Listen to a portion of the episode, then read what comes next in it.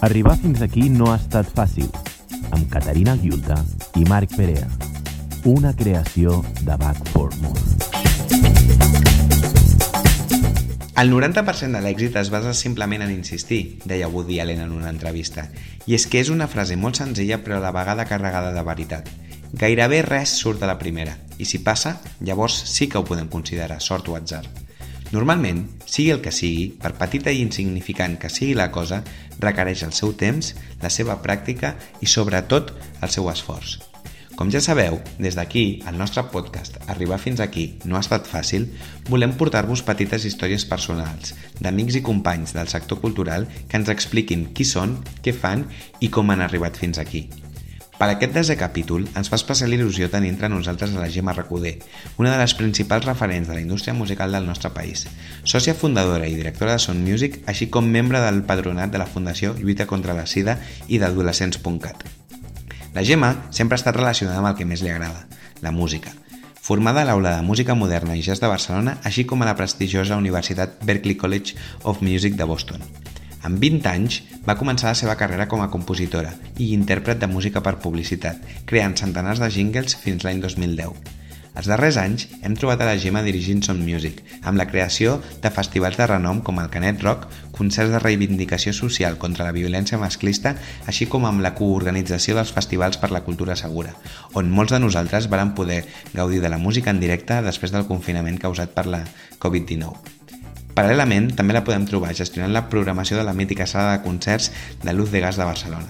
Així doncs, amb tot el respecte i admiració, donem la benvinguda als petits estudis de Back for More a la promotora i referent de la indústria musical catalana, Gemma Recoder. Gemma, molt bon dia. Bon dia. Com estàs? Estic molt bé i molt contenta d'estar aquí. Bé, uh, llegíem una miqueta la teva bio. Eh, sempre has estat relacionada amb la música. Com d'on et ve aquesta passió artística? Ve de família, eh, de l'escola, d'amics? D'on ve? Mm, de família, bueno, a casa sempre s'havia escoltat molta música i els meus germans són tots molt musicals, o sigui, ningú es dedica... Som nou germans, ningú es dedica professionalment, però sí tots tenen una afició important per la música, toquen un instrument, etc etc. I, I des de sempre, no sé, és una cosa... La música és una cosa que, que se't fica dins i un cop se t'ha ficat a dins no hi ha manera de treure-la, sortosament, perquè et dona molta felicitat. I jo recordo que quan, bueno, quan, quan vaig començar, vaig sortir de, de l'escola i volia estudiar, i vaig dir, jo vull estudiar música, i, i una cosa curiosa que em deien, sí, música, però i què més? No, no, música perquè semblava que, que estudiar música no era suficient, no? Havies de fer alguna cosa important, perquè la música no ho era. La titulitis. Exacte. I, bueno, la titulitis que també pots tenir un títol en música i és una carrera universitària i a, a Boston, a Berkeley, eh, eh, és una carrera universitària amb un títol que et pots eh, titular amb, amb moltes coses, no? Eh, però, però era aquesta la pregunta que, que sempre m'enfadava bastant quan m'ho preguntaven. Eh? Música i què més? Pues música, i dedicar-te a la música és una cosa doncs, que a mi mm, m'ha portat molta, molta felicitat a la vida. Perquè com portava la teva família aquesta faceta tan artística? Vas trobar impediments, a part d'aquests comentaris no? que, que estaves dient ara mateix? Bueno, per part de la família sempre hi ha una mica de que, de que pensen eh, bueno, vale, mm, eh, la música és, tots sabem doncs, que és potser o era perquè ara les coses tot és molt insegur, o sigui, no hi ha cap carrera que diguis és que estudiaré medicina i em guanyaré la vida perfectament, no, mm, perquè els metges ho passen fatal també, però en aquells moments potser encara es veia com una carrera molt insegura. I sempre veia aquesta por, però mai, mai vaig tenir un impediment per part de la meva família ans al contrari, sempre m'han recolzat en aquest temps. Aquest podcast sempre té un objectiu didàctic i pedagògic per doncs, totes aquelles persones que estan començant dintre del món cultural. Quin consell els hi donaries i que tu no vas rebre? i que t'hagués hagut de fer falta, que diguis... Jo el consell que donaria és que si t'agrada alguna si t'agrada una cosa, que a tope et formis el millor que puguis i que a tope treballis amb això, perquè mm, hi ha una frase que, que diu Bill Gates, que és que si t'agrada una cosa, que, que per ser bo amb, amb una feina eh, li has de dedicar moltes hores i la vida només en tenim una. I si li has de dedicar moltes hores a una cosa, que sigui algo que t'agradi. O sigui que si t'agrada una cosa, que vagis a tope per aquesta, perquè no hi ha res que sigui més difícil que una altra cosa. I no hi ha res més trist que llevar-te cada matí i haver d'anar a treballar amb una cosa que no t'agrada. I res més satisfactori que llevar-te cada matí amb il·lusió d'anar a treballar. Perquè, parlant dels teus inicis, què és el que recordes amb més il·lusió i què és el que menys? Bé, moltíssima il·lusió, tot. O sigui, tot el que tenia que veure amb música. Si tenia un bolo, perquè jo em vaig dedicar també durant anys a fer actuacions amb, amb grups, vaig gravar un parell de discos, i això, anar a gravar un disc, el teu disc, amb les teves cançons, anar de bolo, anar de gira, amb els, amb, els, amb els teus amics, amb els artistes. O sigui, això era meravellós. El que més, menys il·lusió, no podríem parlar de menys il·lusió, però sí el que més em fastiguejava era un tema, jo ja sóc d'una altra generació i hi havia un tema masclista eh, molt important, jo m'imagino que en tots els àmbits, però en els àmbits de la música eh, era molt clar, eh, amb què hi havia una falta de respecte important cap a la figura femenina com que tu només podies ser una cantant, tu no... Jo recordo amb cançons meves eh, dir-li al bateria escolta, aquest tempo no és correcte, has d'anar més a poc a poc i el bateria no fer-me ni cas i mirar el pianista per veure si ell ja sentia perdona, que és que la cançó és meva Clar. i jo t'estic dient que aquest tempo no és el correcte aquesta cançó l'he escrit jo. I això passava molt Passava molt i em feia molta ràbia, molta ràbia. Creus que ara no és tant? Crec que encara tenim molt camí a recórrer, però ara no ho és tant evidentment no ho és tant, perquè hi ha tota una corrent i, i les dones eh, en tots els àmbits, però sobre, en el món de la música és així, són molt reivindicatives, que és el paper que, que toca fer, i no, no m'imagino ara un, un bateria eh, eh, diguent-li a la compositora que, que, que no, no fent-li cas. No, no m'ho imagino. Pels que, pels que et coneixem, ets una líder indiscutible del sector. El lideratge eh, es neix amb el lideratge o es fa? Ostres, jo no, jo no em puc considerar líder de res. Eh? Jo el que et podia dir és que sóc una apassionada de la meva feina i que la passió s'encomana. I el que jo intento fer amb la gent que treballo és encomanar la passió i, i, i fer-los eh, totalment partíceps de, del que estem fent. O sigui, no és un projecte meu, és un projecte comú i treballem en comú i tots som importants amb els projectes que fem no? I, i jo els escolto molt ells, ells ens m'escolten a mi eh, i el lideratge potser és això però mm, jo no, ja et dic considerar-me líder no em considero em considero apassionada què és el que més costa d'aquesta gestió d'equips? De, Bueno, mmm, per mi el que més costa és gestionar egos. Eh, per sort, eh, tinc un equip, per mi és el millor del món, on els egos mm, no existeixen.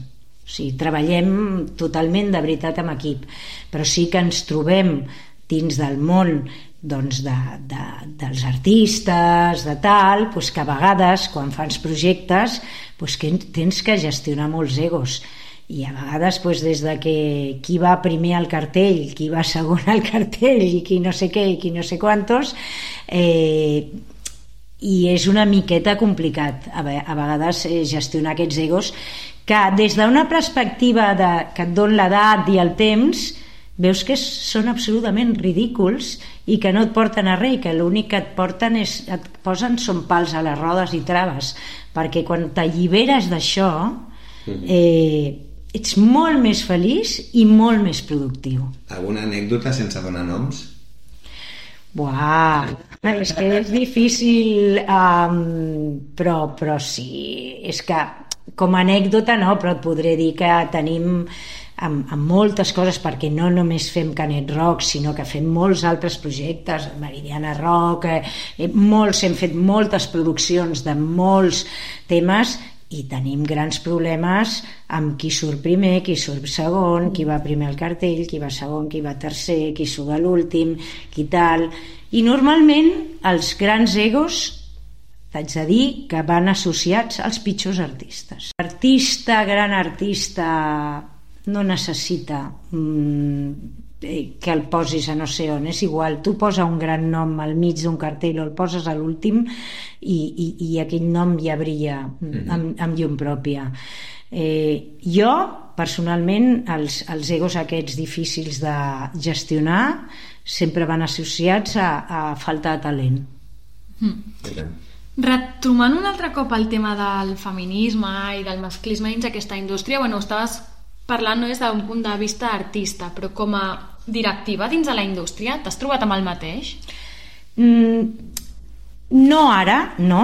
Com a directiva ara no m'ho trobo perquè realment hi ha un gran respecte i jo penso que és un sector que, que és un sector doncs, amb, un, amb una, una mirada àmplia i una mirada eh, progressista, etc etc en principi, però sí que et trobes amb, amb petites... Aquí sí que us explicaré una anècdota eh, que va passar fa un parell d'anys a Canet Rock, que jo sóc molt maniàtica de la seguretat eh, a Canet Rock hi posem molta gent, eh, hi ha un públic jove i tenim dos hospitals de campanya eh, regits per la Creu Roja, molt seriosos i tal i qual. I jo durant tota la nit, durant tot el festival, hi vaig molts cops als hospitals a preguntar com va la cosa, que si hi ha algú que li ha passat, no, doncs mira, aquesta noia s'ha torçat un turmell, l'altra no sé què, tal qual, i eh, venia una ambulància a recollir una persona, una persona que havia tingut un atac d'asma.